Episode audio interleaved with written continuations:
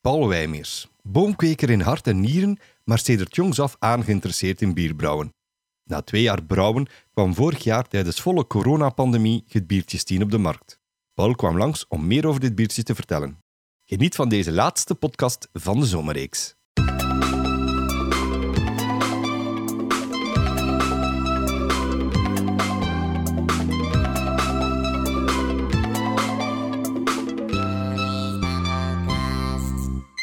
Deze podcast wordt gesponsord door Steam Bier.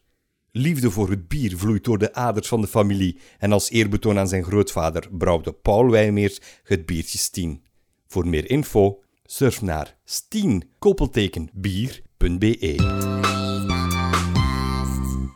Dag Paul, goedemorgen. Goedemorgen, Juri. Goedemorgen, ik zeg altijd goedemorgen als ik een ochtendopname doe.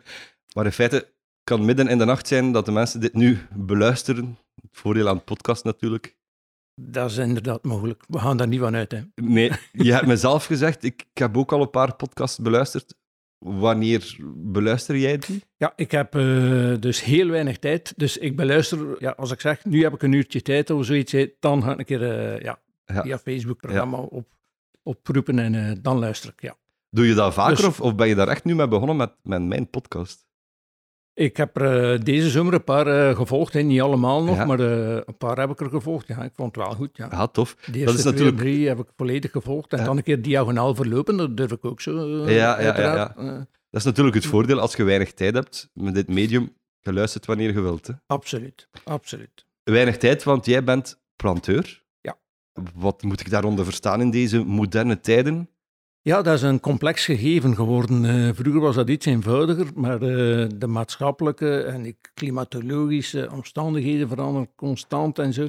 Dus we hebben een eh, gigantische aanpassing ondergaan met de hele sector. Net zoals, wij zijn een economisch gegeven uiteraard, de, de land- en tuinbouw. Dus wij ontsnappen er niet aan. Dus ook in alle andere sectoren zijn er gigantische gedaanteverwisselingen. eh. Maar wij zijn momenteel het oudste bedrijf nog in Wetteren, dus wij Ja. dateren. Mijn bed-overgrootvader heeft de stil nog geleerd bij Adolphe Papeleu. Ja. Dus heel, heel lang geleden, 180 jaar geleden of zoiets. Ja. Eh, hij heeft hem zelf nooit gekend, want na de dood van Papeleu heeft, ehm, is het bedrijf overgenomen eh, gedurende een, paar tientallen jaren. En daar hebben mijn bedovergrootvader en zijn broer nog de stil geleerd. Ja. En dan geleidelijk, de eerste generatie was uiteraard hier in de streek altijd een gemengd bedrijf, landbouw, een beetje, eh, klein beetje landbouw en dan een, een beetje een boomkwekerij. Maar de Ja. boomkwekerij heeft altijd meer terrein gewonnen ten opzichte van de landbouw. Ja. Maar ja, wij komen uit een tijd toen ik in het bedrijf stapte. Ik ben nu, ik word in november 61 jaar. Eh, toen ik in het bedrijf stapte, stapte, het 40 jaar geleden, dan hadden de meeste bedrijven nog het volledige sortiment eh, van boomkwekerijartikelen. Zijnde rozen. We zijn allemaal van de eerste tot de laatste groot geworden met de. Ja. hè. De reuzen, Wetteren was de rozenstreek. ja. Daar is geen sprake meer van Mhm. nog hier en daar, zeer sporadisch, vinden nog een veld met rozen. Er zijn nog een, een handvol eh, kwekers hier in, in, in Wetteren die nog een, een partijtje rozen staan hebben. Maar En, dat eh, is hoe komt dat? Och, daar zijn eh, verschillende redenen voor, uiteraard. Het financiële, het werd zo oninteressant om nog rozen te kweken. We moesten ook 30 jaar geleden concurreren met bijvoorbeeld nieuwe landen, gelijk Polen. Mhm. Wij hebben delegaties hier ontvangen, we hebben hun goed geleerd hoe dat ze het moesten doen. Ja. De lonen waren eh, verwaarloosbaar, de grond gratis, dus wij konden daar onmogelijk tegen concurreren. Ja. Dus daar zijn er een aantal eh, bedrijven gestart met het rozenteelt van meer dan een miljoen rozen. Dus dat heeft, uiteindelijk heeft dat wel een impact. Hè. Maar het is En niet dat de mensen minder rozen kopen, dan ze kopen het gewoon ergens anders. Toch wel.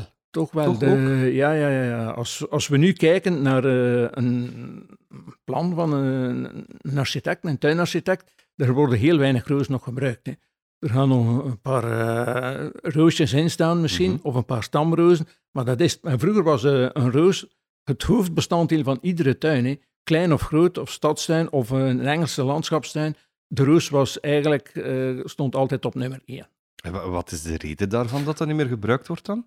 Ja, als we kijken naar bijvoorbeeld bij ons de groendienst. hè, Mhm. De groendiensten in Wetten of, of in andere steden eh, blijft gelijk. Dan wordt een roos eigenlijk, vormt dat nogal een, een vrij dure ehm, aanplanting. Waarom? Ja.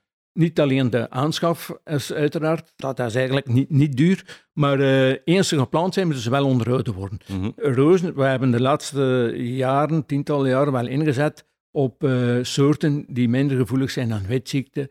Maar dan nog heb je soms jaren, zoals dit jaar, hè, uitzonderlijk eh, weinig zon, Mhm. koud, alle dagen regen. Dat zorgt er wel voor dat de rozen er niet goed bij staan. Ja, ja, Hè, ja, ja. Dan hebben we het snoeien. Personeel doet dat niet graag. Er staan op, op reuzen staan er natuurlijk doden. Hè. Dus er moet er toch met de hand, dat is handwerk allemaal, dat moet gedaan worden. Dus dat is eigenlijk geen interessante plant. Ja. Men, men investeert dan liever als groendienst in het aanplanten van, van tien struiken die zichzelf eh, een beetje bodembedekkend eh, eh, vormen, en zodanig dat er veel minder werk aan is. Ja. Dat is, en ook de particulieren, ook, die, ja, die besteden. Ze hebben zoveel andere dingen die Mhm, veel interessanter ja. zijn dan in een tuin werken. Op Ja. een paar uitzonderingen te Ja, ja, ja. uitspreken, De uiteraard. echte liefhebbers Ja. nog. eh, Ja, absoluut. absoluut. maar Eh, inderdaad, ja. maar Je zegt, eh, ja, de stijl is veranderd. Hè. Dus we waren daar... daar was ik gebleven. ja. hè. Die rozen, daar zijn we allemaal groot mee geworden. Maar naast de rozen hadden we ook allemaal een beetje coniferen. Allemaal een beetje fruitbomen in laagstam, in hoogstam, in halfstam. Sierbomen, sierstruiken. Dus het, iedere boomkwekerij had het volledige sortiment dat ik kon aanbieden. En hetgeen dat hij zelf niet kweekte, dat ging, en dat is tot op de dag van vandaag zo. Wij vormen een gemeenschap van nog 100 kwekers. Wij komen wel van 200 en zoveel. mhm. Eh, maar goed, we zijn nu allemaal groter geworden. Die schaalvergroting is, is er gekomen. Maar we hebben allemaal een richting moeten kiezen. De mechanisatie en zo eh, heeft ervoor gezorgd dat we dat moesten doen. Je Mhm. kunt niet alle machines aanschaffen voor de rozenteelt en dan voor de sierbomen en dan Ja. voor de struiken. Dat, dat is onmogelijk. Ja. Dus wij zijn, met Wijmeers, zijn wij eigenlijk geëvolueerd naar een eh boomkwekerij die bijna uitsluitend eh, in de veredelde laan- en sierbomen eh, zit. Ja. Zowel in hoog als in halfstam. Ja. En misschien nog 5% sierstruiken, maar dat is het. Dus eigenlijk vooral bomen en, en struiken. dan. Allemaal dus geen bomen, bloemen meer. bomen. Geen eh, rozen meer of geen... Nee, seringen, daar zit er wel nog in. Ja. Seringen, dus ja. En dan ook niks van landbouw, echt puur tuinbouw. Ja, ja, ja, ja, ja. Die gemengde bedrijven bestaan trouwens niet meer. hè. Dat bestaat niet Dat meer. was voor de eerste generatie was dat eh, echt kenmerkend. Ja. Eh, maar de, de landbouw heeft dus eh terrein prijsgegeven aan de boomkwekerij. Ja. En nu, gemengde bedrijven, ik zou niet weten waar dat ik nog in moet vinden. nee, dat is- Als, als we hier in de buurt rondrijden, hebben we toch wel heel wat landbouw- en tuinbouwers nog, denk ik, hier. Ja, ja, ja. We zijn nog eh, altijd een, een centrum. Hè. Eh, Wetteren Mhm. heeft één grote truf eh, die grondgebonden is, en dat is de boomkwekerij. En dat Ja. zal zo blijven, denk ik. We komen met minder spelers. We zitten nog met een goede 100 eh, in Wetten, Wetten en omliggende gemeenten, uiteraard.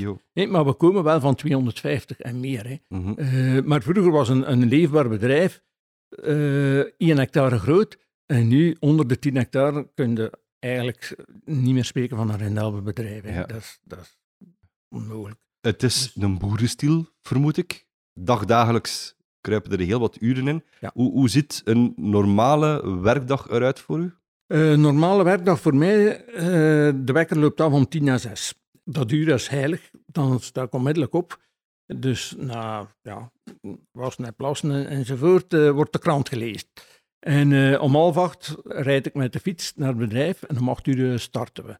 En dan gaan we in één, eh, in één beurt door, dus we pauzeren niet voor, om negen uur of zo, of om half tien tot twaalf uur. En dan keer ik terug met de fiets, want ik woon aan het station. Het bedrijf Ja. is op de Zeskamsteenweg.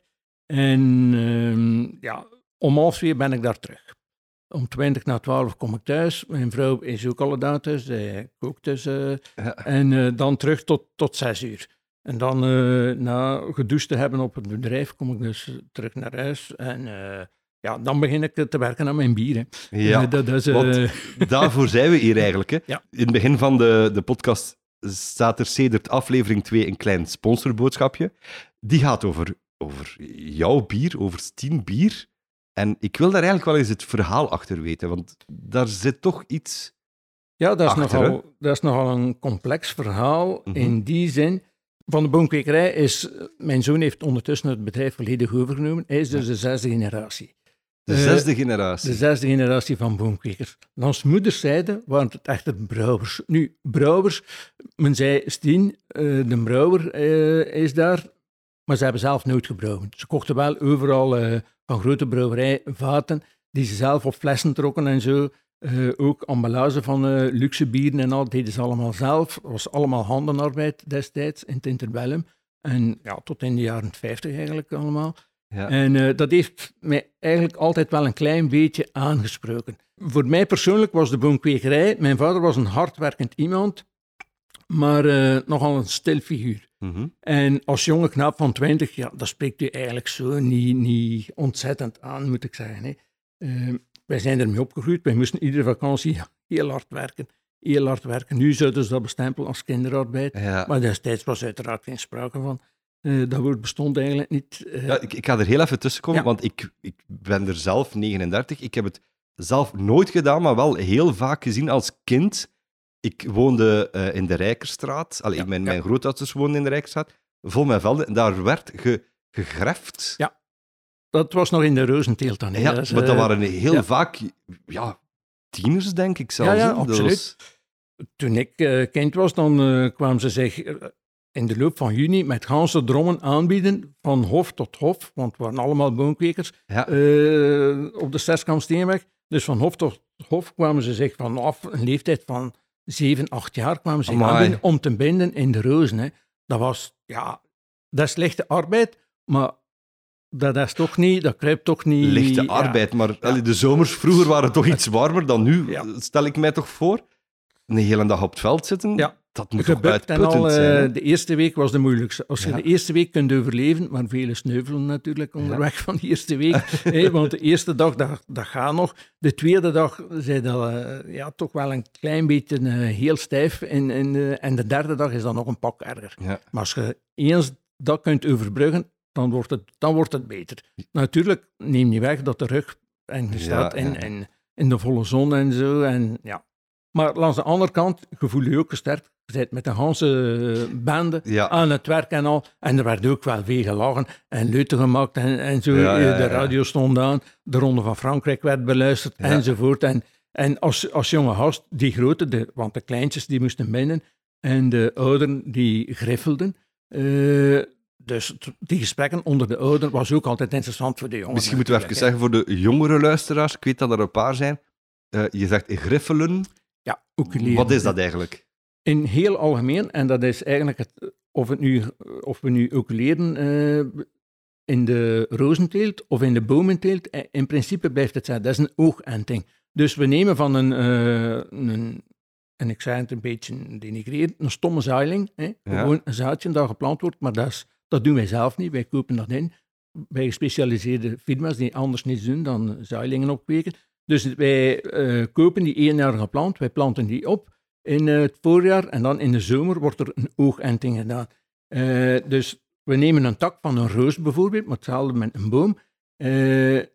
wij doen die bladeren daaraf en één oogje, één centimeter boven het oog en één centimeter onder, daar snijden wij zo een, een stukje twijg weg we mhm. doen dat hout eruit en we planten dat met een T-griffeling, normaal gezien. Hè, wordt dat ingeplant in die onderstam. En zo maken wij van een, uh, een wilde onderstam, maken wij, geven wij een grote meerwaarde uh, aan die bloem of aan de, uh, de bladkleur of, of noem maar op. Dus, dus als ik Zowel voor een boom als voor een goed begrijp, knipt een, of je snijdt een takje weg ja. en je plaatst dat van onder, waar dat, dat dan terug kan aangroeien. Ja, klopt. Want het wilde gedeelte wordt dan boven de oculatie afgeknipt, zodanig dat, bij, dat de sapstroom bij het begin van het groeijaar, in het voorjaar, geen andere keuze heeft. Vanuit de, de wortels, die sapstroom moet naar dat oogje gaan dat we het jaar ervoor ingeplant hebben. Dus zo ontstaat dus eh, een nieuwe plant. Een nieuwe plant. Oké, ik heb het al vaak gezegd, na en voor podcast, ik leer heel wat bij deze zomer. Ik kende het een beetje, maar nu weet ik echt wat het is. Uh, goed, terug dus naar de kinderen gingen van hof tot hof, maar jij zag dat niet echt zitten als twintigjarige voor... Nee, maar uh, ik heb er alles aan gedaan om geen boomkweker te worden. Want, uh, dat is dan toch niet gelukt? Ja, dat is niet gelukt. Dat is niet helemaal gelukt. Ik heb het wel geprobeerd. Ik ben twee jaar gaan uitwerken. Eigenlijk. Ja.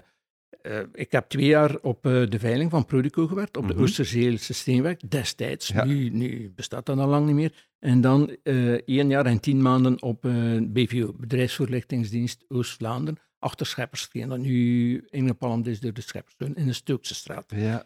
Dat nu verhuisd is in een proefstation in Destelbergen, voor de sierteelt. Ja. Um, dus na twee jaar dacht ik, ja, dat, is, dat werk dat is wel heel, ja, dat is heel plezant, dat onderzoekswerk en zo. dat staat mij echt aan. Maar toch, het bloed kruipt waar het niet gaan kan. Ons vaderszijde altijd zelfstandig geweest. Ons moederszijde ook altijd zelfstandig geweest. Als kind hoor je niks anders dan die, ja, de, merendeel de slechte dingen van dat zelfstandig zijn. Ja, ja, ja. En vergeet je de goede. Dus ik heb het geprobeerd, twee jaar, en ik heb gezegd, ofwel pas ik me aan, aan het statuut van werknemer, ofwel keer ik terug naar mijn roots. En Ja. eh, ik had er geen enkele seconde spijt Toen van was je nog een jonge twintig. En toen was ik nog een jonge twintig, ja. Ja. Ja, uiteraard. En, eh, en eh, ja, ik en mijn vader, dat, dat, dat klikte wel, hè, dat klikte wel. Ja. Maar toch vond ik het te stil, dus heb ik mij s'avonds in een beroepsvereniging gestort. En ik ben zeer actief geweest binnen de familie van de Boerenbond. Mhm. Met allerlei functies, in heel veel raden van bestuur, enzovoort enzoverder. En dat was, eh, ja, dat, voor mij was dat super. Voor mijn vrouw iets minder natuurlijk, want die moest ja. altijd zitten wachten op mij Ja, ja, dus eh, dat is een ander verhaal. Maar toch Maar- vind je nog de tijd om nog een zijweggetje in En te dan, slaan. eh, ja, toen vorig jaar onze zoon Stijn het bedrijf volledig overgenomen heeft, want we zijn een landbouwvernootschap, dus dat is met een aandelenregister en zo, Mhm. en hij heeft dat in twee keer overgenomen, eh, het bedrijf. Toen dacht ik, ja, nu ben ik 60 jaar, ik word er nu 61 op het einde van het jaar, eh, 60 jaar, ik voel mij jong genoeg om te doen wat ik eigenlijk altijd wel graag zou gedaan hebben. hè, als nevenactiviteit van de boomkwekerij. Eh, het is, ja, ik kan, aanzag het als een hobby. Ondertussen is het een beetje uit de hand gelopen, die hobby. Maar goed, het is, eh, het is zeer boeiend om te doen. Ik, ja, is een totaal nieuwe wereld, want het bedrijf van mijn grootvader die bestaat niet meer. Mhm. Eh, mijn grootvader had eh, zes kinderen, drie dochters, drie zonen. Die drie zonen zijn alle drie in het bedrijf gegaan. En ik heb als eh, jonge gast vaak meegeweest nog, als ik een keer een dag vrij was op de boomkwekerij, om welke reden dan ook, gingen dan mee met mijn onkel Mark, met de jongste van de De Winters. En dan gingen we naar de warhanden of we gingen met de camion bier leveren en al. En ik vond dat heel plezant. Hè. Ja. Het is ook hard werken, uiteraard. Dat moet je altijd in, in gelijk welke... Ja, het is ook wat sleuren, denk ik. Hè, Dat sleuren met ja. die bakken, die vaten Ja. en zo, maar dat is wel plezant. Hè. Je komt in een café, eh, een babbel kunnen doen, een cola kunnen drinken eh, achter het werk en, en zo. Dus Ja. ja, ik vond dat wel eh, echt heel plezant. Socialer waarschijnlijk dan op een veld Ja. staan. Absoluut. Ja. En dat sprak mij natuurlijk geweldig aan. Hè. En nu nog, hè, als ik nu zeg, kijk, het, succes van Stien ligt daar eigenlijk ook wel aan, aan het sociale. Ik ben heel veel weg. Ik heb nog nooit zoveel terrassen en eh, cafés niet gedaan dan de laatste jaren. Want vroeger ging ik een aantal cafés waar iedereen heeft, zit zo in elkaar, denk En, ik. en de Maar vrouw vindt dat niet erg? Mijn vrouw pak ik altijd mee. Ah ja, Nee, die pak ik altijd mee. wie zijn vrouw heeft meegenomen, Ja, dat is absoluut. nooit laat thuiskomen. Nee, nee, dat is nee, klopt. Ja. Nee, mijn vrouw zit al Hans haar leven te wachten op mij en nu nog. Eh, Maar als we dan een terras doen of, of zoiets. Mhm. Ja. Ik zal nooit, als ik ga leveren in een café of, of gelijk waar, ik zal de mensen zijn, de cafébaas, en je gaat iets drinken, ik ga nooit iets drinken. Nee. Ik zeg, ik kan een keer terugkomen met mijn vrouw. In de loop van de komende dagen. En Ja. Ik doe dat dan ook. Ehm, dat is veel plezanter. Ja. Voor haar en voor mij ook. Dus eh, ja. Dus je zit met het idee, iets, iets dat je dan als, als jonge gast eigenlijk al een beetje had, Allee, van, van ik wil hier later toch iets mee doen. Ja. Dus je zit met het idee, ik heb nu tijd, ik ga een bier brouwen. Ja. Is, zit dat dan zo in je hoofd? En nu ga ik een bier brouwen? Ik moet ook wel zeggen, ehm, vroeger, 70 jaar geleden, eh, de meisjes konden geen aanspraak maken op het bedrijf. Dat was zo. Dat is gelukkig totaal veranderd. Ja. Dus het bedrijf was voor de zoon. Dus mijn, maar moest ik eh, destijds geboren geweest zijn en, en in de wieg gelegen hebben bij een van de jongens van de winter, ik zou zeker en vast eh, geen boomkweker geweest zijn. En, Van Isken Brouwer, een brouwer. ja. Maar mijn moeder trouwde met een boomkweker, dus ik werd boomkweker. Zo. en ik ben daar heel gelukkig in geweest en mijn Ja. hart ligt daar. Ik werk nog alle dagen op het bedrijf, vier dagen in de week.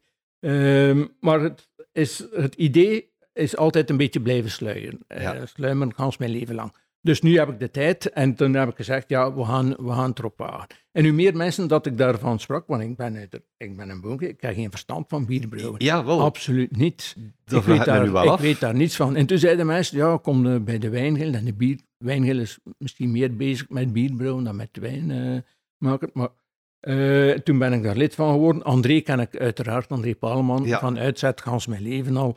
En hij heeft mij in contact gebracht met eh, Steven Flamand. Iemand, eh burgerlijk ingenieur scheikunde, die op en top bezeten is van bierbrouwen. Ik zal André eeuwig dankbaar zijn dat hij mij in contact gebracht heeft met die man. We hebben samen een keer gesproken. Het eerste gesprek aan de telefoon, dan een keer afgesproken bij hem thuis. En we hebben dan een eerste proefbrouwsel gemaakt eh, bij hem op het terras buiten. En dat klikte meteen. En voilà, de Stien was eigenlijk geboren. We hebben samen een, eh, een bier ontwikkeld, of hij heeft het ontwikkeld. We hebben geproefd. En ja, en ik ben eigenlijk eh, een Orval-drinker, dus ik hou van bitterheid. Mhm. Niet van zoete bier, maar van bittere bier. Dus had ik gezegd, ja, het eerste bier dat moet een Orval, van Orvalachtig type zijn. Of Ja. we gaan een Orval maken. We hebben dat gedaan met een proefbrouwsel, een wilde gist, eh, dezelfde wilde gist, eh, dan Orval. Dat is schitterend gelukt. Alleen heb ik geen enkele brouwerij gevonden die dat bier willen op de markt brengen, omwille van die wilde gist van Orval. Voor Orval is dat niks. Eh, die hebben maar één bier. Dus wilde gist, ja, voor mensen die Ja. niet weten wat dat is. Dus wilde gist, dat zit dus in die brouwerij, dat krijg je er nooit meer uit. Als dat eenmaal, als ik nu een bier binnenbreng bij brouwerij Huigen bijvoorbeeld, Mhm. in Melle, en daar gebeurt iets mee, eh, een flesje vallen is voldoende, die wilde gist verspreidt zich, dat zit in het behang, dat zit in de vloer, je krijgt dat daar nooit meer uit, uit die brouwerij. Dus Ja. al die andere bieren worden geïnfecteerd Ja. met die wilde gist. Dus niemand staat daar, eh, is daar happig om, om Ja. dat eh, Dus risico te lopen. Dat plan werd nogal redelijk snel afgevoerd dan. Ja, maar toch is de, dat is dus geen gist, dus Ja. een andere Maar je had dus wel een, een, een idee van smaak Ja, absoluut. in, in, in Ja. je hoofd. Ja, ja, ja, ja zeker. Eh, Ik weet hoe een bier moet smaken. Mijn eerste bier, eh, dat moet het zijn. En daar hebben we naar gewerkt. gewerkt hè. Eén, twee proefbroodjes met eh, Steven eh, Zo een, een ontwikkeld. Dus- proefbrouwsel, dat klinkt als van we kappen een paar dingetjes samen en we proeven daarvan. Maar ik denk niet dat het zo simpel is. Hè? Nee. Dat ik, moet toch ik, ik wil niet al- rijpen en... Ja, ik wil niet al te technisch gaan, maar we beginnen dus met een, een pilsmout, hè, dus met gerst. Eh, dat wordt dus eh, de mout, hè, wordt dus Ja. geschroot. Eh, daarna gemaaist, dan filteren, koken, dan gisten. En dan wordt hij gelagerd, het rijpingsproces. En dan wordt hij uiteindelijk gebotteld. Maar dat is een Hans procedé, uiteraard. Mhm. hè. Dat is niet op twee Dat dagen gedaan, denk Dat ik. is, nee, dat duurt zes weken. Vandaag brouwen, binnen zes weken. Ja. eh, ja. Dus je Dat moest veel geduld helemaal- hebben. Je moet veel geduld hebben, ja. Natuurlijk, niks, dat is een, voor mij zijn. een biertje voor een, een bijvoorbeeld, dat is, eh, dat is iets anders. Hè. Dat Ja. is eh, een grote installatie. Links komt eh, het water binnengestroomd en na twee uur eh, komt de machine uit en je hebt, eh, je hebt bier. Ja. Maar een bier van hoge gisting, met hergisting op de fles, dat is een Hans procedé. Ja. Maar dat geeft ook de, ja, uiteraard de meerwaarde aan de smaak. En ook eh, ja, naar prijs toe is het ook een ander verhaal. Ja. Uiteraard, uiteraard. Je hebt nu al eh, verschillende eh, soorten, zal ik het maar noemen. Ja. Wat was de eerste, de originele? Dat is de IPA. De, De IPA, de Ja. Indische Palel. Dus de Indian Palel. ehm, voor de mensen die misschien nog niet weten wat dat Indische... Want ik krijg daar toch regelmatig een keer een vraag over. Ja, eh, Indian Palel. Wat, wat, wat, wat is dat voor iets, IPA? Eh, Indian Palel dateert dus van de, toen der tijd de Britten hè, in India zaten en zo, het Brits imperium. eh, dus de Engelsen, conservatief tot en met, die willen natuurlijk een Palel drinken, die ze thuis in Engeland dronken, hè, Ja. die willen ze daar. Nu, dat werd toen verscheept in slechte omstandigheden natuurlijk. veel te warm, veel te, ja. te, te vochtig en zo, zowel op het schip. In India toegekomen, idem dito. Dus die palel, dat was een palel niet die ze in Londen of ergens anders dronken in Engeland. Hè. Dus, en toen zijn ze beginnen zoeken en hebben ze gevonden dat hoe hoppiger, eh, hoe meer hops dat ze toebrachten aan het bier, aan het brouwproces, hoe beter dat hij bewaarde. En Ah, de ja. Indische palel was geboren. ja, de Dus IPA. als we zien, dat is een gans sortiment IPA die te verkrijgen is, eh, overal bij de bierhandelaars. Ehm, maar als we dus, een, een IPA is altijd hoppig. Altijd. Ik moet eerlijk zeggen, IPA, ik denk dat ik dat nog maar een paar jaar ken. Daarvoor zou werd kunnen, daar ja. toch niet van gesproken hier Nee, nee, dat komt meer en meer... eh, Ja. ja. Nee, dat klopt. Dat en klopt. dat is Maar nog dat altijd dezelfde reden dan? Dus er zit meer hop in Ja. voor het bewaard eh, Ja, proces? Ja, het is altijd een, een hoppig bier, Mhm. maar een IPA is eigenlijk... Als je ziet, IPA, ten opzichte van een triple bijvoorbeeld, Mhm. een triple kun je jaren, jaren eh, drinken na, het- na, ja, na het bottelen. Een IPA Ja. kan eigenlijk, wordt best zo vlug mogelijk gedronken. Zo Ah, ja. vlug mogelijk, daarmee bedoel ik, binnen twee jaar. Alleszins. Ah, alleszins. ja. Ja. Ja, ja, ja. Het is niet dat hem eh, gelijk een jupiler... eh, nee, nee. dat niet, hè. Maar als je hem kunt drinken, binnen het jaar moet je niet wachten. Ja. Dus bijvoorbeeld een Norval, ehm, dat is een ander verhaal, maar Mhm. ook dat evolueert van smaak naar Norval. Die, ook met die wilde gist. eh, de zuurigheid eh, of de bitterheid maakt plaats voor zuurigheid. Dus een oude Norval zal veel zuurder smaken dan een jonge Norval. Ja. Eh, ja, en dat is met een IPA ook. Die bitterheid, die typisch is eigenlijk, die hoppigheid van dat bier, gaat een klein beetje vervagen naar zuurigheid. Ja. Je houdt ervan of je houdt er niet van. Uiteraard, daar kunnen we niet over discussiëren. Gaat bier eigenlijk kapot? Bier kan kapot gaan, ja. Toch wel. Bier kan kapot gaan, maar ik heb veel bieren eh, gedronken, zwaardere bieren, eh, die 15 jaar oud zijn hè, en 20 jaar ook. Hè, waar dat er dan maar op staat, ja, eh, hij is al 10 jaar vervallen of Ja. zo, en drink dat maar een keer, proef dat maar een keer, en dat gaat nog heel goed. Dat gaat nog goed En gaan. de dag altijd, nadien zit je niet aan de pot gekluisterd? dan? maar- Nee, nee, nee, nee, nee, nee. ik toch niet. Ik toch Er zijn echt wel Want- specifieke bieren dan. Ja, ja, dat zijn specifieke Ja. bieren, eh, zwaardere bieren allemaal. Hè. Ja, absoluut. En dus die IPA, hè, Ja. dat was dus mijn eerste bier, want daar worden we beland. en eh, ja, ter versterking, eigenlijk was mijn oorspronkelijk idee, ik ga één bier brengen als eerbetoon aan mijn grootvader, Mhm. Polydor de Winter. En, want tien, maar daar komen we misschien Ja, straks ja, nog op terug. dat is sowieso nog een vraag die ik ga stellen. ja, ja, ja. En, en ik dacht, als ik eh, dat als eerbetoon, en ik heb hier eh, tien cafés in het Wetterse die dat, die dat bier willen schenken, project geslaagd voor mij, Ja. oké. Maar er zat veel, ik, dat was zo'n succes, Allee, ja, er zat meer in. Ik voel onmiddellijk, hier zit meer in. Dus ter versterking van die IPA heb ik dan een triple op de markt gebracht. Mhm. eh, een totaal ander bier, eh, iets zoeter ook, een zeer fris, eh toevoeging van citroengras, dat niet ja, ja, vrij abnormaal laten we Mhm. zeggen. Ja? En dan eh, ter, ook, ter versterking dan, eh, van die twee bier, ja, twee is ook een, een raar getal, dan hebben we een seizoen eh, op de markt gebracht. Een seizoen, een droge seizoen. En ook daar zit eigenlijk een verhaal aan vast, aan die seizoen. Sommige mensen zeggen season, daar is niets mis mee Mhm. in het Engels. Maar seizoen is net iets ehm, beter naar realiteit toe. Ja. Laat mij zeggen, de grote boeren, 100 jaar geleden, de grote boeren in het noorden van Frankrijk, in, tot in Picardie, er waren nogal wat... Vlaanderen was veel armer dan vandaag. Dus de Vlaamse boerkes of de Vlaamse landarbeiders, die gingen de campagne doen naar Frankrijk bij die grote boeren. Om vlas, om eh, bieten te, te kappen of te oogsten of zo. Die zaten er dan drie maanden in Frankrijk zonder naar huis komen. En die willen natuurlijk in, in het weekend willen die wel een keer, eh, ja, dus de avond en de zondag een keer een biertje drinken. En Mhm. meer dan eentje, hè. die willen ook. Die zaten daar allemaal samen op die boerderij, dus die willen eh, een keer, eh, ja, serieus drinken. En die grote boeren die brouwden in de winter altijd een bier voor de, de seizoenarbeiders in de zomer van het jaar nadien.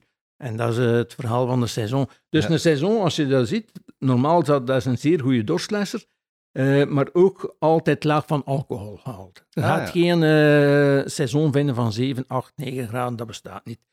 Om reden van, het was niet de bedoeling, ze mochten wel 10 pinten drinken, maar het was niet de bedoeling dat ze het zondags niet meer konden werken. hè. Ja, ja, dus ja. eh, ja, ja, daar zat dus, wel een, een bepaalde logica dus dat is het achter. ding van de seizoen eigenlijk. Ehm, het verhaal. je haalde het inderdaad zelf al even aan. Stien. Hoe kom je op de naam Stien?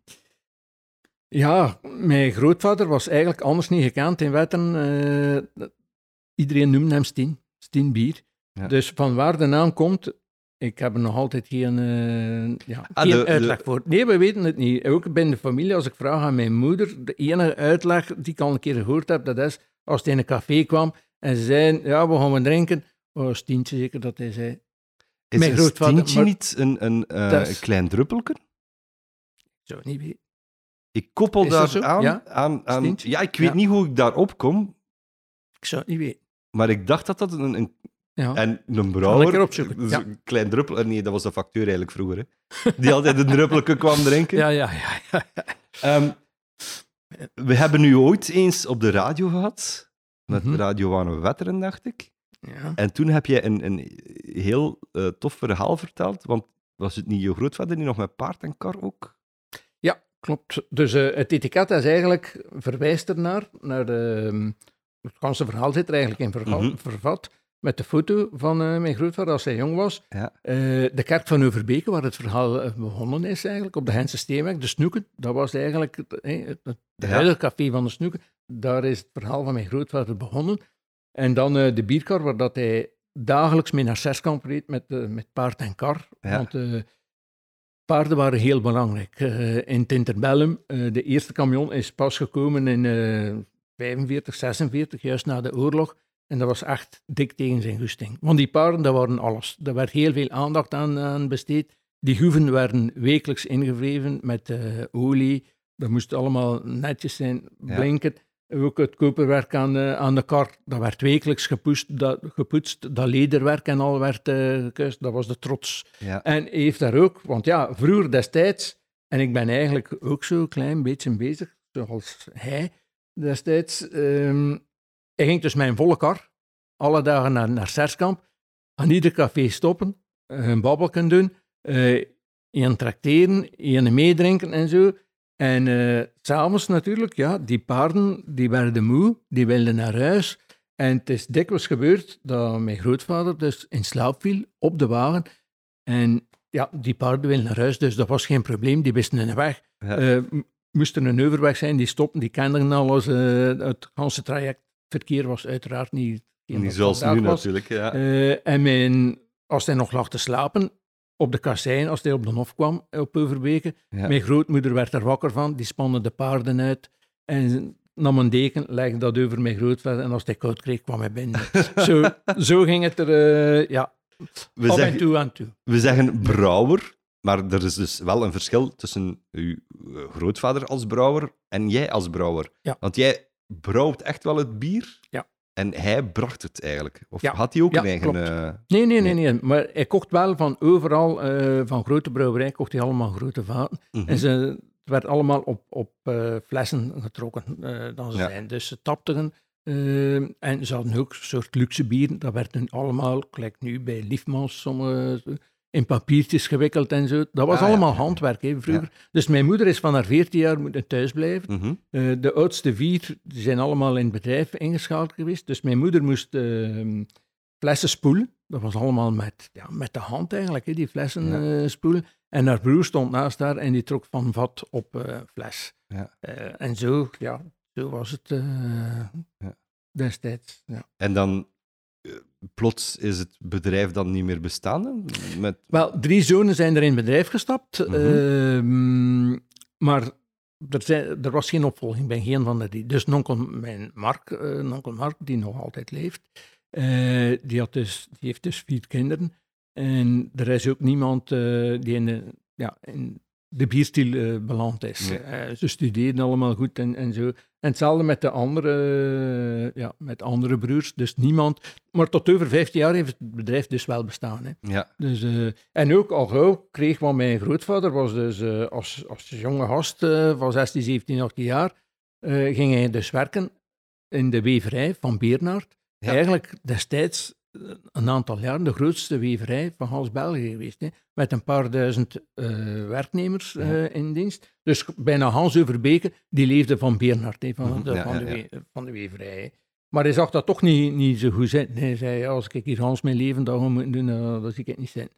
En vandaar dat hij begonnen is met eh, het bier uitzetten en, en dat liep goed. En dan zijn er nog andere mensen uit de familie, de winter, die echt eh, ja, dezelfde richting uitgegaan zijn. eh. Ja. Dus wij zeggen eh, onder de familie, ja, als het in de winter, want de helft van de, de wetters noemen bijna de winter. Eh, ja. En dat is niet allemaal familie, maar degene die in, eh, iets te maken hebben met bier, dat is, eh, dat is allemaal familie. Als ik me niet vergis, zijn er inderdaad nog wel een aantal cafés ook in Wetteren die ehm, eigendom zijn Ja, ja, dat is nog... de ja. De Winters. Ja, ja, ja, ja. Dat klopt. Ze hadden heel veel, eh, Ja. heel veel eigen cafés en zo. Dat, dat is Maar wel dezelfde familie. Allee, dat Dat is- is, ja, ja, dat ja. is van mijn grootvader. Ja. Meer een deel, maar dat is natuurlijk ook verminderd, want ja, die voeling, de kleinkinderen, die hebben er minder voeling Mhm. uiteraard mee en zo. En Ja, dus er is al heel wat uh, uit de familie verdwenen, laten we zeggen. Maar er zijn er uiteraard nog een aantal. Hè. En dan zijn er altijd um, uh, bierleveranciers, was het woord dat ik zocht. Er zijn nog altijd bierleveranciers actief dan ook? Voor die cafés? Of zijn dat al echt al... Dat zijn allemaal modern. Ja. Dus uh, geen uh, meer van de nee. familie van uh, de winter. Nee, nee, nee. En, dus... en hoe gaat dat bij u in, in, in zijn werk? Doe jij dat zelf? Ga je echt zelf gaan leveren bij de mensen? Wel, oorspronkelijk wel. Hè. In, in, heel in het begin heb ik dus een aantal cafés gezocht en dat is de mensen Ter promotie meer dan... ja, ja. De ja, maar ja, toch ook leveren. Hè. Ja, toch ook leveren. Hè. En de mensen proberen van te overtuigen van het lokale, hè, mijn eerste bier, dus vorig jaar in volle lockdown, is dat op de markt, gekomen. Ja. Dus dat is niet de beste moment natuurlijk, hè. alles gesloten. Ja. Maar toch, ja, er kunnen wel contacten gelegd worden. Hè. Er kunnen wel mensen opgebeld worden, er kunnen proevertjes uh, afgeleverd worden. Je kunt het verhaal, want ik moest het verhaal van mijn grootvader minstens evenveel verkopen dan de kwaliteit van bier. Ja. Hè. Een verhaal, mensen houden van verhalen. Ja, ja, dat maar was dat vroeger is, zo, dat Ja. is vandaag zo, dat zal binnen 100 jaar nog Ja. zo zijn. Mensen houden van... En het lokale heeft natuurlijk terrein gewonnen. Niet alleen bij de bieren, bij Mhm. alles eh, eigenlijk. Hè. In volle lockdown, eh, we zijn er meer en meer van overtuigd. Laat ons alsjeblieft niet alles halen uit China en Mhm. van, eh, van Azië of zo. Laat ons meer respect hebben voor de producten die Ja. dicht bij huis eh, op de markt gebracht worden. Dus dat, dat werd versterken. Maar zo heb ik, ja, inderdaad. eh, en als ik dan een aantal cafés had die bereid waren om dat te proberen en uit te testen, dan ben ik natuurlijk naar bierhandelaren beginnen zoeken. Hè. eh, naar Pede en Van Poeken Ja. en de Drilijn en zo allemaal, eh, om hier in de steek te blijven. Eh, en die beleveren uiteraard de cafés. Hè. Ja. Maar ik heb ook veel bistro's, het zijn niet allemaal cafés, zijn ook veel bistro's. eh, Mhm. en, ja. Maar eens dat ik een paar van, van bierhandelaars, dat ik, eh, waar de, dat ik dus lever, ik heb een paar cafés, die moeten dus, dat is wel de bedoeling, niet, ja. Ik heb een, eh, een prijs afgesproken met die bierhandelaars, dus zij moeten me leveren. Ja, ja, ja, ja. Zoveel mogelijk. Je bier zelf, waar wordt dat gebrouwen? Want Ja. ik kan me voorstellen, in het begin doe je dat kleinschalig, maar het groeit. Dus heb je waarschijnlijk wel een, een, Ja. een echte brouwerij nodig die jouw bier brouwt dan. Ja. Absoluut, ja, Ja. want we hebben, geen, ja, we hebben zelf geen eh brouwerij, Nee. voorlopig nog niet. Dus wij gaan Voorlopig nog niet. Ja. We gaan dus naar eh Bierselect, eh Sint-Nijs-Westham, dat is niet zo heel ver. Er zijn Ja. drie jonge gasten, ook gepassioneerd door het brouwen. Hè. Drie studentenvrienden die zich verenigd hebben in Bierselect en die dat zeer goed doen. En die momenteel, denk ik, voor meer dan 100 verschillende bierhandelaars of eh, bieren op de markt brengen. Ja. Ze brengen ze niet op de markt, brouwen. Hè. Ja. De vermarkting is voor ons. hè. Dus, eh, Ja, maar die groeien heel, eh, ja, en ik ben daar tevreden mee. Dus hoe, hoe gaat dat in zijn werk? Wij maken een proefbrowser, Steven en ik. Ehm, we proeven dat, we passen dat recept eventueel aan. We gaan nog een keer een proefbrowser maken.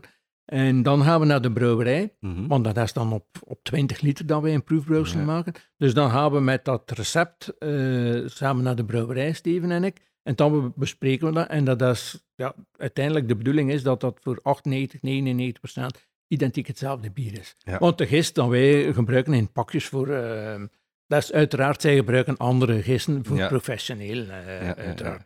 Maar we nemen dan de gist die zo dicht mogelijk bij aanleunt, Mhm. bij hetgeen dat beschikbaar is voor de particulieren. eh. Ja. Zo, zo doen wij dat. En dat loopt, eh, dat loopt prima. Ja. Dat loopt prima. Die Ik- samenwerking. Ik stel me dan voor, dat is iets dat je zelf doet, maar je moet dat een beetje uit handen geven. Hoe kritisch ben jij dan? Nu, ik moet zeggen, Steven is, eh, is zeer kritisch. En ik ben- Steven is vooral ja, heel Steven kritisch. is, ja, maar ik ook. Ik ben blij. Ja. Maar hij is mijn rechterhand. Ja. Dus ik ben heel blij dat hij zeer kritisch is. En dat hij, ja, dat geeft mij de luxe dat ik dat ook kan zijn, natuurlijk. Want heel kritisch zijn, als je er te weinig verstand van hebt, dat is zeer moeilijk. Hè? Maar Mhm. hij heeft er wel verstand van. Hè? Dus eh, hij zegt, zo moet het en niet anders. Ehm. En ja, Dus nee, die ik, samenwerking verloopt zeer goed. ik, ik stel me dan voor dat je, dus je, je maakt de proefbrouwsel, je geeft het recept door aan de, de, die drie mensen dat je daarover spreekt. Dan moet je daar ook nog eens gaan proeven. Uiteraard. Hoe vaak Maar- gebeurt het dan dat je zegt van, hm, dat is het niet? Dat is nog niet gebeurd. Dat is nog niet dat, gebeurd. Nee, dat mag ook niet gebeuren. Nee. Dat mag ook niet, want ja, het is eh, een oplage van 2000 liter minimum. Dus eh, als dat dan tegenvalt, ja. Maar Ja. het- niet zegt dat hij ooit niet kan tegenvallen. Hè. Ja, dan weet ik niet... Dan gaan we wel uitgeraken dan, Ja, ja, eh, ja, denk ik, ja. op dit moment. Of we kunnen nog ja, misschien iets toevoegen, dat kan nogal. Eens dat het gebotteld is, niet, uiteraard. Hè. Maar bij de lagering kunnen we nog eh, misschien iets... Maar ik begrijp er vooral uit dat die drie jonge mensen dat je daarover bezig bent, dat die vooral hun werk heel goed doen. Ja, die doen dat heel goed. Ja. Die doen dat heel goed. Die zijn zo gepassioneerd ook. En dat is, dat is ook nodig, om het even wat je doet in het leven, je moet gepassioneerd zijn. Ja. Als je dat niet hebt, doe het dan niet. Begint er niet aan. En dat is voor alles, eh, denk ik. Hè. Je spreekt over oplages van 2000 liter. Ja. Hoe vaak wordt dat dan gebrouwen? Ehm, of ja, hoe moet ik dat vragen? Ehm, Wat dan de volumes zijn. Dat ik, eh, ja, ja, Ja. Hoe, hoe lang... allee, hoe lang doe je daarmee met 2000 liter? Ik zal Ja, zo vragen. eh. Als ik die drie, want ik heb dus ondertussen, dat is, we hebben dus de IPA en de triple en de saison, dat Mhm. zijn de drie vaste bieren. Die gaan altijd in het sortiment blijven. ja. Maar om het dan aangenaam te maken voor ons, eh, voor uh, te maken, voor Steven en ik, eh, we hebben ook een keer, wij worden ook graag getriggerd natuurlijk, hè, door een keer iets nieuws. Dan is de bedoeling dat we ieder jaar één of twee bieren extra op de markt brengen, die we één keer gaan brouwen. Ja. Dus de flyers die ik me aanmaak, dat zijn van de drie basisbieren. ja. Maar daarnaast hebben we nu een dubbel oakt. Hè, dus een donker bier, omdat er eigenlijk nog geen donker bier eh, in Ja. zat in het sortiment. Eh, een dubbel ook, uiteraard met de eiktoets. Dat is eenmalig dat we dat brouwen op Ik ga het 2000 er even bij nemen, want je had voor mij een... eh, Ja. Noem ik dat een kistje? Of? Ja, dat is een geschenkverpakking. ehm. de dubbel ook zit daar niet in. Zit daar niet in. Dus ja, van Ik de zie- drie bieren, van ieder bier zitten er twee flesjes in. Ja, Maar de dubbel ook zit er niet in. De en nu zijn we de bezig- triple Ja. En de saison. Ja. Ja. En nu zijn we bezig met, ehm, en die wordt volgende week gebrouwen, de quadruppel. En dat is een uitzondering, want wij Een- zorgen een- ervoor een dan een, Een? quadruppel. Quadruppel. En dat is... Ehm, dat zal een donker bier zijn, eh, van hoge gisting uiteraard, maar hoog alcoholgehalte. Dus sterker dan een triple, veel sterker nog. Dus eh, een 10,5 alcohol. Ehm, dat kan dat is tellen. een, een, een degustatiebier, dat is geen bier om op uit te gaan voor, of op café. Nee, dat is nee, dat is gewoon iets- samen Ja. eh, eh, op een romantisch moment, samen met je vrouw in de zetel een romantische film zitten kijken. En dan giet u dan maar een keer En in plaats van Dat is een een goed degustie. wijntje, een goed voilà, biertje. Ja. voilà. En, en dan gaat er zoiets, eh, ja, Westvleteren achter Ja. zijn, zo'n quadruple. eh. En we gaan dat ook in grote flessen eh, aanbieden, ehm, in de commercialisatie van 75 centiliter, in geschenkverpakking, met het eindejaar. Maar het, het is veelbelovend. De proefbrouwsels en al, ik had er heel veel goede kritiek op gekregen. En al, zodanig dat we zeiden, ja, dat gaan we zeker even vast doen. Ja. Naar, naar het eindjaar. En dat is dus een bier dat jaren goed zal zijn. Hè. Ja, ja, ja. jaren. Hè. Dus dat kan, ja, minstens tien jaar gaat dat goed zijn, die quadruppel. Je, je zegt, Dus- ik, ik krijg er heel wat goede kritieken op. Op die proefbrouwsels. als Zit je met een proefteam? Nee, maar af en toe doen we wel een keer een thuisverkoop. Ja. Eh, of geef ik een keer een flesje mee bij vrienden en. En zeg ik, ja, proef dan een keer. Ja. Zeg gerust uw gedachten, als, als het niet aanstaat, zeg het alsjeblieft ook. eh, maar, maar proef dan een keer. Of als we een proeverij, zoals vorige week, hebben we, hm, over twee weken was het, bij mijn dochter in Smetleden, op het Smetleden dorp, een proeverij een keer gedaan, een verkoop samen met de Ja. proeverij, waar al de bieren eh, geproefd kunnen worden die we te koop aanbieden. En dan durven we soms misschien ook wel een keer eh zo een proefbrowser, een keer, proef dan een keer wat vinden daarvan. Ja. Zou dat iets zijn of zou het dat niet zijn eh, naar de toekomst? En dat maakt het voor ons gewoon, die interactie eh, maakt het gewoon leuk. En de, de leuk. uitdaging blijft bestaan natuurlijk. Iedere keer als je iets nieuws probeert, Ja, dat Tuurlijk. het moet goed zijn. Ja. Ja, het moet goed zijn. Moet goed zijn. Ja, want dat zou zonde zijn dat er met 2000 liter eh, slecht bier op de markt komt. Dus dat, dat, dat gaat niet gebeuren. Dat Nee. gaat niet gebeuren. Daar ben ik van overtuigd. Wij maken die proefbrowsers eh, voldoende. Wij laten dat voldoende proeven. Wij, hebben, wij vormen uiteraard als, als ja, Steven is een bierconnoisseur. Ik zal dat niet zeggen van mezelf, maar ik heb wel graag een biertje. Uiteraard, ja, ja. uiteraard. Dus ik weet ook wel wat een goed bier is en, en een slecht bier. eh, dus nu, in hoeverre dat slecht bier bestaat. Hè. Want wat goed is voor mij, is minder goed voor u en omgekeerd. Hè. Uiteraard. Er, er wordt altijd Dus- zo gelachen met Heineken, ja, tuurlijk. maar Wij- allee, dat het wordt ook gedronken en het bestaat ook al jaren. nee. Dus eh, ja, Uiteraard. Zelfs met en- en, en- en ja. dergelijke. Tuurlijk, tuurlijk. En ik begrijp ook, like jonge mensen, het is een ander prijskaartje. Hè? Ja, ja, jonge ja. mensen die uitgaan van 18, 19, 20 Ja, jaar, maar- die drinken liever 10, 10 Heinekens of 10 Jubilers Ja. eh, eh, dan 10 bier Maar van hoge bier dat jij brouwt, dat is niet om op uit te gaan. Je zegt er net ook maar al... Toch, toch, ze drinken zeer gemakkelijk en eh, het alcoholpercentage is niet zo hoog. Zodanig dat, en dat is bewust gedaan. Ook Ja. de triple 7,5. Mhm. Drink gemakkelijk. Je kunt er gemakkelijk drie van drinken, dat is, dat is geen probleem. Ja, Natuurlijk niet voor met rijden met is, nee, nee, nee. Dat, dat- Uiteraard. ik had Uiteraard, eigenlijk een ja. disclaimer in het begin van deze podcast moeten zeggen. eh, drink met mate hè, en Ja. niet achter het stuur en dergelijke. Ehm, ik wil even heel terug naar het begin gaan, want je zegt daarnet van, eh, we zijn bezig met een de, oaked, ehm, Ja. 10 graden of iets meer Ja, zelfs. dat is de uh, quadruple. Dat is de Of de quadruple. quadruple, ja. Je begint met een idee van een bier te brouwen, maar ik kan mij voorstellen, als ik dat idee krijg, ik kan dat niet zomaar beginnen doen. Ik vermoed dat je daar toch toestemming of vergunningen moet voor hebben om iets met alcohol op de markt te kunnen brengen. Ja, ja, die vergunningen en al die moeten er zijn. Hè. Eh, ja, ja, uiteraard. Ja. Eh, ja, Financiën kijkt altijd eh, over de schouder mee. Ja, voedselagentschap en al. Wij worden dus gecontroleerd door het FAVW, Federale Agentschap voor de Voedselveiligheid. Die komen, dus de accijns, dat wordt geregeld via de brouwerij. Mhm. Dus dat, dat gaat niet rechtstreeks. De brouwerij die regelt die accijns. Dus ja. Maar als je natuurlijk eh, spreekt van oprichten van een microbrouwerij bijvoorbeeld, ja, dan, is het, dan worden er heel wat meer vergunningen eh, gevraagd. Hè. Ja. Ook, van vestigingseenheid, ik, eh, de boomkwekerij. de- voorlopig zit het onder de boomkwekerij, maar Mhm. voor het einde van het jaar gaan we een nieuwe vennootschap oprichten, Ja. omdat hij eigenlijk een beetje uit de hand gelopen is. Ja, de hoeveelheden zijn te groot Ja. ten opzichte. Dus dat is niet meer aanvaardbaar en terecht. Dus we, gaan, we zijn daar volop mee bezig. Ehm, maar er is ook, like voor mijn dochter, een nieuwe vestigingseenheid eh, aangevraagd en zo. Ja, dat is. Als ik ergens sta met een biertje, dan moet ik een, een leurderskaart hebben. Ja, ja, zo, ja. Dat, dus dat zijn allemaal formulieren die moeten aangevraagd worden. Nog allemaal dingen waar je moet aan denken. Ja, eh. je moet aan denken, ja. En van wanneer... Is dat eigenlijk van het moment dat je het gaat verkopen, dat je die vergunningen moet hebben? Ja, dan Dus moet je je, mag die vergunning hebben.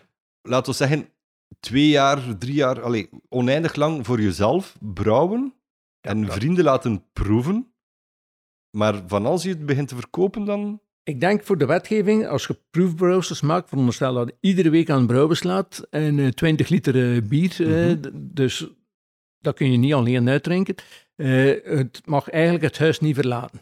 Ah, dus ja. als je vrienden eh, wilt komen laten proeven bij u thuis, eh, ja, dat, dat lukt, dat mag nog. Maar, dat lukt. eh, ja. ja. maar je ma- mag niet uit het huis gaan. Nee. Dus eh, dan zijn ze in strijd, want er is Ja, op ja. betaald. Ehm, Zo werd het een beetje... eh, Je bent begonnen in Wetteren. Ik vermoed dat het van daaruit begint uit te dijnen. Wat zijn zoal de plaatsen waar we steambier kunnen vinden? We kunnen ja, naast de bistro's, naast de cafés, naast de bierhandelaars, hier in de streek, de Drie Linden en Kalken, Van Poeken, eh, Pede, ehm, de bierhallen in Melle. Eh, dan zijn er ook een aantal eh prik en tex drinkzit, eh, maar ook ver in Limburg bijvoorbeeld, Maasmechel, Leopoldsburg, eh, Lommel en zo. Maar dat komt voornamelijk omdat Steven is getrouwd met een Wetterse, en, maar is afkomstig uit Lommel. Ah, dus ja. dat is een beetje zijn connectie en Ja. zo. En ja, als we dan een adres hebben waar dat we in Lommel verkopen, dan heb ik liever, als ik met een, een auto bier naar Ginter rijd, eh, dat ik een aantal ja, collega's van, van die bierhandelaar Ginter kan eh, beleven, uiteraard. Vandaar dat, dat, dat we de Limburg ook een beetje zitten. eh. Het, Dus- het wordt wel een... een... En dan hebben we ook uiteraard met, met de lockdown, ehm, hebben we ook ingezet op de retail uiteraard. Ja. Dus de Carrefours, een aantal Carrefours hier in de streek, een aantal Deleizen, dus Deleize Wetten uiteraard, Ja. dichtbij, maar ook in Heuzen, eh, in Leden. Ook eh, hetzelfde met de Carrefour, Carrefour Ninove, eh, Oostakker, Sint-Denijs-Westram, Wetten, eh dan Spar, Spar de Loor Ja. op, op Massumendorp en Spar aan Nusterzeese Steenweg. Ja. Die verkopen dus ook allemaal eh En de zo begint de En zo begint het ja, een beetje uit te dijnen. Ja, Ja. ja. Ja, Wat is het toekomstperspectief dat je nu hebt? Is dat echt volledig landelijk gaan? Of wil je het Oh, lokaal houden? Ik denk voorlopig dat we het nog, eh, ja, we moeten met beide beentjes op de grond eh, blijven staan. Ik Mhm. heb ook te weinig tijd. Ik zou veel meer kunnen met dat bier. Maar ik werk vier dagen voltijd, eh, vier dagen op de kwekerij. Mhm. Dus één dag neem ik eh, vrij ja. om contact aan te leggen, om heel veel telefoons te doen. Want dat is niet alleen een, een in stijgende lijn een succesverhaal. Hè. Dat gaat uiteraard ook gepaard met eh, ja, mindere dagen, met een aantal frustraties ja. en, enzovoort enzovoort. Hè. Ik heb veel mensen waar ik tien keer zal naartoe bellen. Hè. Ik kan dat dan ook doen, hè. tien keer. Hè. Tot zolang dan ze niet zeggen, ja, nee, eh we hebben sortiment genoeg, we nemen niets meer bij. En ik begrijp dat. Tot zolang zal ik eh, blijven bellen natuurlijk naar de mensen. Wat, Dus, maar de ambitie is, eh, ik heb een aantal, ik ben 61 jaar straks, eh, dat ik tegen dat ik 70 ben, dan moet ik een leefbaar hebben. Zodanig Ja. dat mijn kleinkinderen, voor mij moet het niets meer, hè. Ik hoef er gelukkig vandaag niet van te leven, mhm. want met bier is heel weinig te verdienen. Maar ik wil wel een leefbaar bedrijf op 10 jaar tijd uitbouwen. Zodanig dat dan een boterham kan zijn voor misschien een van de kleinkinderen ja, ja. dat verhaal eh, kan blijven. Ik heb de keuze niet gehad en ik wil dat mijn kleinkinderen de keuze Wel keuze hebben. hebben. Of Ja. bierhandelaar of, of bierbrouwer of, of, of zoiets. Dus dat is voor mij belangrijk. En we zien wel waar het ons brengt, hè, want we zijn nog altijd in, in, in onze startfase, denk ik. Ja, ja. Ja. Hoe, lang bestaat het nu? Ah, Maar vorig jaar in, eh, in mei hebben we onze eerste verkoop gedaan. Ja, dus iets meer dus- dan een jaar ja, nu. ja. En, en hoe lang daarvoor heb je zitten brouwen? Eh, ik heb er twee jaar op gebrouwd. Twee jaar. Twee jaar over nagedacht, ja. Of ik het eh, zou commercialiseren. Ik wil zeker en vast iets doen. Ja. Rond mijn grootvader. Ik heb hem dus zelf nooit gekend. Ik was maar negen maanden toen hij gestorven is, dus ik heb hem niet gekend. Het was mijn Peter. Mhm. Eh, als ik mijn moeder hoor, dan zegt zij, ja, je lijkt eigenlijk wel goed op, eh, op mijn vader, zegt ze. ja. Dus ik wil daar wel iets doen. Nu, iedereen heeft het mij afgeraden. Iedereen met wie dat ik eh, erover sprak, heeft gezegd, ja, doe dat niet aan. Koopt u voor duizend eh, euro materiaal en in uw garage of op terras en al, of, of gelijk waar, uw eigen biertjes maken en experimenteert daarmee in alle richtingen. Dat is superleuk en zo. En je kunt vrienden ontvangen en, en, en proeft dan een keer en dan. En dat is inderdaad, dat is ook zo. Hè. ja. Eh, het commercialiseren is een grote stap. Dus ik heb er twee jaar over eh, nagedacht. En uiteindelijk, hoe meer dan ze zeiden, doe dat niet. De wereld zit niet te wachten op nog een extra bier. Eh, Ja, dat is dat meer daarnet ook te denken. ja, er zijn heel veel bieren in België, denk ik. ongelooflijk, ongelooflijk. Ik kom dikwijls op plaatsen waar ik met een doos proevertjes kom. En die zeggen, mens, kijk, ik ga je een keer laten zien. En die staan Ja. met een handschap, allemaal dozen, allemaal om te proeven. Allemaal mensen die die bier namen. Dat is ongelooflijk eh, hoe mensen daarmee bezig zijn. Maar ook thuis eh, wordt er enorm veel gebrouwen. Hè. Mhm. Eh, niet alleen bij ons, hè, ook in Nederland. Nederland is bezig aan een enorme inhaalbeweging. Ja? Wat dat betreft, ja, absoluut. Absoluut. Want En dat als, is allemaal... als je landelijk bekijkt over bier, wordt Duitsland altijd bekeken als het bierland dan. Klopt. Klopt. eh, Maar ja. we zijn goed bezig waarschijnlijk om het... eh, Van bierdrinkers denk ik dat we de Duitsers overstijgen. Van het aantal liter dat gedronken wordt per, eh, per de Belgen zijn niet alleen de dapperste, de Nee. Halliers, maar ook de klopt, grootste drinkers waarschijnlijk. Ja, ja, ja, ja. Natuurlijk, ja, zij denken hinten altijd meer. Wij hebben meer, onze specialiteit van de Belgische bieren zijn de speciaalbieren allemaal. Mhm. hè. Zij drinken toch meer, als je kijkt naar de bierfeest, dan zijn er zo van die, van die kannen van de 1 liter eh, Ja, groot, ja, meesters in een halve liter. Ja, dat is dan eh, de pils en al. hè. Dan zij toch drinken eh, iets lichter van, eh, alcoholgehalte. Maar wij zijn echt, ja, echt de kenners op het gebied van speciale bieren op de markt brengen. hè. Komt dat door, door abdijen en... en Ja. Eh, ik denk het wel, hè. Dus eh, de paterstrapisten en, en Ja. zo, en de abdijen. En eh, ja, natuurlijk, de abdijen, eh, die hebben eh, ja, in heel veel dingen eh, in onze maatschappij een grote rol gespeeld. Eh, abdijen moesten een beetje, ja, die hadden hun eigen groenten, die hadden hun eigen aardappel, hun eigen gerst, bakten hun eigen brood, brouwden, het, het water was ongezond, dus Ja. zij moesten hun eigen bier brouwen. mhm. Eh, dus die traditie komt van, van Hinderen, jawel. Ja. Like triple bijvoorbeeld, om een anekdote te. Triple, eh, die, het woord triple is de eerste keer gelanceerd door de Pater Trappiste van uh, Westmal. Hè. In uh, 36 of in 39, bij de inhuldiging van een nieuwe brouwhal, uh, hebben zij Ja. voor het eerst triple eh, gelanceerd, eh, de naam. Is er nu geen kans dat abdijbieren en, en dergelijke gaan verdwijnen? Want er zijn toch minder paters en broeders en, en, en abdijen en kloosters. Ja, maar eh, de bieren blijven natuurlijk. Hè. Maar ze hebben allemaal uit handen gegeven. Hè. Ik denk niet dat er... eh, ik, ik weet het niet. Of dat er nog een abdij is. Misschien is er nog wel één... Orval? pater of- Zo of- Orval nog? Nee, ik weet het niet. Ik Nee? weet het niet. Maar binnen de abdijmuren Ja. zijn het externen die komen brouwen. Hè. Ah ja. Ja, dat, zijn, dat niet echt perfect, meer... hè. eh, Nee, nee, de, de paters en zo, ja, dat zijn allemaal... eh, als je ja, de bewoners van de abdijen bekijkt, de religieuzen, ja, dat zijn... eh, oude mensen, zeg het maar. gemiddelde leeftijd minstens 80 jaar, denk ik. hè, ja, ja, of zo. Dus die kunnen daar niet meer voor instaan. Hè. Maar dat zijn dan externen en zo. En de naam blijft uiteraard behouden. En de kwaliteit en met respect voor eh, het recept en zo. Dus alles blijft eigenlijk bij het houden. Alleen laten de paters zich bijstaan. Hè. Ja. Ja, dus, eh, Heb je enig idee hoeveel soorten bier? Dan gaan we het alleen over merken hebben, want je hebt zelf ook al drie Ja. soorten stienbier. Ja. Enig idee hoeveel merken bier er in België zal, of in Vlaanderen zelfs? ik zou zijn- het niet weten, maar het is in ieder geval ver boven de duizend. Mhm. Ver boven de duizend. Maar ik durf er geen exact eh, getal op plakken. En, Dus, en eh, hoeveel daarvan heb je, heb je al geproefd? Ah, wel, zoveel mogelijk. Als ik in een, in een bierhal of ergens kom en dan, dan loop ik zo een keer rond, dan heb ik altijd een ganse kar vol.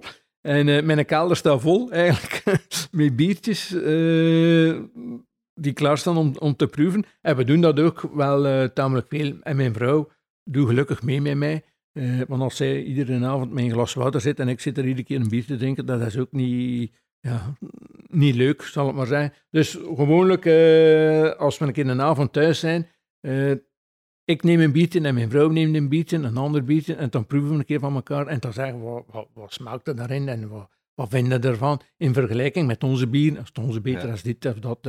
Ja, en zo geven we een beetje commentaar. En dat is leuk. Ja, ik probeer dat zelf ook wel te doen. Dus we zijn nu net terug van vakantie in Blankenbergen, eigen land. Daar heb ik kokketeuten gedronken. Ik weet niet of dat u bekend Nee, is. nee, dat is nee, ook zo een, een ja, lokaal Ja, biertje lokaal in, in. West-Vlaanderen. Koekenteuten. In de Uitkerkse polder Hm. heb ik ehm, ook een, een speciaal biertje gedronken. Ik zou moeten kijken op mijn gsm. Ik probeer dat ook wel te doen als ik ergens kom en er is een bier dat ik niet ken om een keer te proeven. Ja. Nu, ik neig zelf wel meer naar het blonde. Ja. Ehm, die- Blonde niet op bier- gebied van vrouwen, maar van, van bier dus. Omdat donker vind ik altijd... Ja, ehm, gelijk een, een donkere leffe, die is zo warm. Ja. Ik weet niet dat dat de juiste term is, maar het is zo warm en vol. En ik heb zo... Ik drink heel graag duvel, Mhm. omdat die zo een, Ja, een, een scherpere kant Dat is, heeft. dat is een topbier. Hè. Eh, nu, donkere bieren mogen eh, gerust iets warmer gedronken worden. Mhm. hè. Dus eh, een blond bier moet altijd uit de Ja. komen, maar bij een donker bier, zeker bij een zeer zwaar bier of, of zo, is het beter dat het uit een frisse kelder komt dan uit de frigo. Ja. Die een dubbel ook, die ik op de markt gebracht heb, is eigenlijk beter uit de frigo, vind ik. Ah, ja. Omdat hij ook ehm, een bier met eh, zeer veel body, als gewoon fris is voldoende, niet ijskoud. Die een eh, dubbel eh, die ik op de markt gebracht heb, is ook maar 6 van, van alcoholgehalte. Eh, niet bitter, niet zoet, je hoeft er niet op te knabbelen. Hij drinkt zeer gemakkelijk en dat maakt dat hij best frisser gedronken wordt. Ja, ja, ja. Maar inderdaad, ja, een donker bier. Ik ben ook, maar merendeel van de mensen drinken liever blonde bieren. amberkleurige bieren eh, wordt een beetje aanzien, want wij hebben geëxperimenteerd met de IPA. Mhm. Dus de eerste twee brouwsels van IPA waren amberkleurig. Nu, het laatste brouwsel was eh, blond, omdat cafébazen zeiden mij en een handelaar zeiden mij, ja, de jeugd drinkt liever blond dan amber. Amber wordt Ja. een beetje geassocieerd met uh, bollig conservatief of zo. Natuurlijk, ik ben 60 jaar, ik ben opgegroeid met Palal, hè, als ik uitging. ja, ja. Eh, ik ging naar een dansing, was het altijd Palal. D- Dus altijd amberkleurige bieren dat ik dronk. ja. Eh, nu, hij is deze week gebrouwen, opnieuw eh, op 2000 liter, de IPA. En uh, we, hebben weer, we hebben weer de karremout toegediend bij de pilsmout om weer die amberkleurige kleur te, te bekomen. Ja, toch wel. Via een bevraging, want ik denk ook, jonge mensen inderdaad, die drinken liever blond dan mhm. amber of donker. langs de andere kant, jonge mensen die speciaal bieren toch iets minder. Uh, ik, hoor dus vooral, um, ik hoor vooral veel dat ik mij mag associëren met jonge mensen. Dat doet mij heel veel deugd natuurlijk. Ja, ten opzichte van mij. Wat ik ook doe als ik stoverij maak, dat ik maak dat met een uh, donkere Westmalle. Ja. Lenen uw bieren zich voor biergerechten? Ja, zeker. De, in dubbel ook bijvoorbeeld, moeten de volgende keer een keer, maar je zit niet in, in, in het pakketje. Nee. Ja, maar had ik het geweten, ik had er geen... zal er achter komen. ja, ja, ja, ja. Dus dat is uh, perfect, hè. Bij, uh, ja, perfect best over, En, uh, ja. die dingen. Ja, absoluut. Maar ook die andere, lijkt een seizoen, als we spreken van food pairing, want dat is een, een hot item eigenlijk. Dat is een mooiere term voor als ik zeg ja. biergerechten. Ja, ja, ja, maar ja, daar is veel rond te doen, hè, rond die food pairing. Nu, die seizoen dat is een zeer goede doorslesser, maar ook voor bij lichte maaltijden, voor bij kip, uh, salades, pasta's, schitterend bier. Ja. Schitterend bier. Uh, een beetje beter, uh, maar niet, niet zoals de IPA. Mm -hmm. de IPA, ja, dat staat hier ook op de flyer. die IPA, ja, van burrito staat er op de flyer tot kies. Heeft tien zijn plekje aan tafel, dus je kunt het eigenlijk ook mee maar als aperitief ook vind ik uh, die een IPA zeer goed. En die een triple, ja, die kunnen eigenlijk ook uh, bij heel veel gerechten uh, en, combineren. Hè. Ja. Zeker. ja. Dus de meeste bieren, maar ja, die food pairing, daar is nog heel veel rond te doen, denk ik, de komende jaren. Ja. Absoluut. We zitten aan het einde van de podcast. Ik ga u nog één dingetje vragen je komt bij mij, ik ben een, um, laten we zeggen, ik ben een eigenaar van een bistro en je moet mij overtuigen om jouw bier af te nemen. Hoe, je, hoe ga je dat doen? Ja, ik kom dus bij jou terecht uh, met een uh, proefpakketje. Ja. Ik vertel het verhaal van mijn grootvader en het lokale aspect en zo. Ook, want dat is nu niet aan bod gekomen, ook het verhaal van uh, de hoppen. Het moet altijd hoppen zijn van mijn vriend Bart Boerhaven. Uh, ik heb één brouwerij, vooral hier dat ik uh, een, een, contract had met uh, Bierselect, heb ik een andere brouwerij gecontacteerd en die willen niet werken. Die willen met, niet werken met Belop, dus -hmm. het bedrijf van de hoppenteler uit Poperingen. Barbuda, die had zijn eigen hop. Dus voor mij is dat een breekpunt. Waarom? Omdat ik, ik heb destijds gesproken over dat ik zeer actief geweest ben in het beroepsverenigingsleven, in de familie van Boerenbond. En toen ik voorzitter was, was uh, Bart Boerhaven mijn consulent. En hij heeft de boerderij van zijn vader overgenomen in Popering. Werd uh, ondertussen is dus volledig zelfstandig. Mm En hoppenboer, breidt ieder jaar uit. Dus uh, ik heb nog altijd een zeer goed contact met die man. Dus alle hop komt vandaar. Ja. Um, dus dat is ook belangrijk om dat mee te geven het lokale aspect, het verhaal van mijn grootvader, die zich opgewerkt heeft uh, als, als brouwer, uh, die de toestanden van destijds ontvlucht is op de weverij. En dan gaat het toch wel in, als, en uiteraard gaan we ervan uit dat de kwaliteit zeer goed is. Ja. Ik kan de, de mensen niet verplichten om te kopen, maar ze moeten een keer proberen. Gewoon een keer proberen. Soms kom ik in, uh, in een handelszaak en die zeggen, ja, wij drinken zelf geen bier. Dat is altijd een minpunt voor mij. Ja. Ze laten dat dan wel proeven, maar ik ga toch liever dan, dan de mensen zelf het kunnen appreciëren en mhm. zeggen, dan kunnen ze ook advies geven aan een klant. Want op een terras of zo, als ik ergens ben, u spreekt daar van Blankenberg, ik ben net zo, om het even waar ik ben, eh, of in het buitenland, een lokaal biertje. Wat kunnen jullie aanbieden? Ja. Uh, een van de frustraties uh, van mij is dat ik hier in de steek bijvoorbeeld kom in cafés met een groot terras en als daar niet voor open staan, dan vraag ik aan de mensen, ja, je hoeft voor mij geen stien op de kaart te zijn. Mhm. Absoluut niet. Je mag een picaflor, een wetersproduct, of een uitzet, of om teven of van een Heilig Hartbrouwerij. Zet daar iets van, van uh, op de kaart. Maar je hebt niks van de streek. Dat is een blamage. Ja. Dat is een blamage, vind dat ik. Dan. Wel, dat is, uh, dus dat is een, een, frustratie. Maar gewoonlijk die, die over kan ik de mensen nogal gemakkelijk overtuigen. Mhm. Met mijn verhaal van, eh, van mijn grootvader, met de kwaliteitsproducten. En ik bel dan een keer. Ik heb ook heel veel ondersteunend eh, materiaal voor de mensen. Ook belangrijk toch wel. Ik heb niet alleen de flyers, ik heb ook posters eh, met de drie Ja. eh, bieren op. Ik heb eh bierveldjes, ik heb tafelruiters eh, met de barcode op en, en zo. Ik heb nogal wat eh, om de mensen aan te bieden. En ook de prijs zit, onze prijs zit vrij goed. Want je mag toch, ja, En- niet en- iedereen heeft, heeft ervoor over voor 50 euro voor een bak te geven. Hè. Dat, zijn, dat, is, dat is heel veel geld. Ja, Niet iedereen. Maar als je er moet van leven, ben Ja. ik akkoord dat je dat moet vragen. ja. Daarom zeg ik, met bier is weinig te verdienen. Voor mij is het een hobby. Ik ben blij dat ik er niet moet van leven.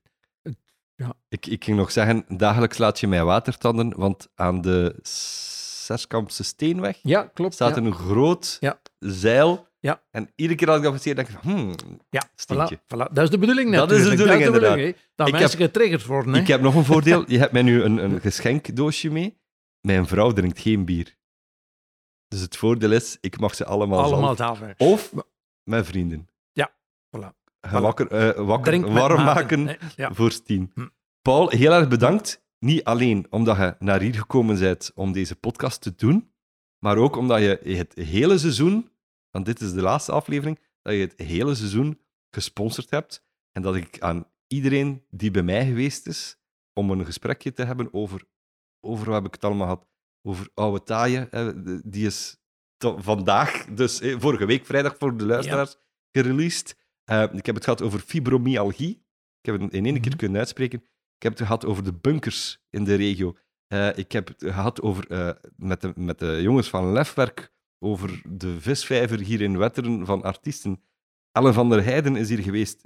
Een, een, een jonge vrouw, zal ik maar zeggen, die eigen films en, en series schrijft, die ook aan podcasts werkt, fictieve pod, Ja. fictiepodcast. Geen fictieve, maar fictiepodcasts.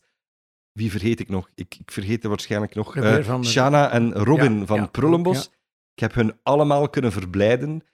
Norbert de Keulenaar Norbert was ik nog bijna vergeten. Die moet ik nog zijn pakketje gaan afgeven. Ah. Ehm, want dat was de tweede aflevering. En Ja, eh, klopt, ja, toen, klopt. toen was het al ja. afgesproken, maar toen, toen Ja. ehm, waren ze nog niet met bezit. Dus die, Norbert, als je dit hoort en ik ben u vergeten, laat mij gerust weten. Ik kom nog jouw pakketje brengen. Maar dankzij Paul hier bij mij, Paul Wijmers, heb ik al die pakketjes kunnen schenken, want jij hebt die gesponsord. Waarvoor dank. En ik wens je nog heel veel succes met het verloop van Steambier. En ik ga ervan genieten. Alsjeblieft, alsjeblieft. Heel erg eh, bedankt ook om mij de gelegenheid te geven om mijn verhaal te doen.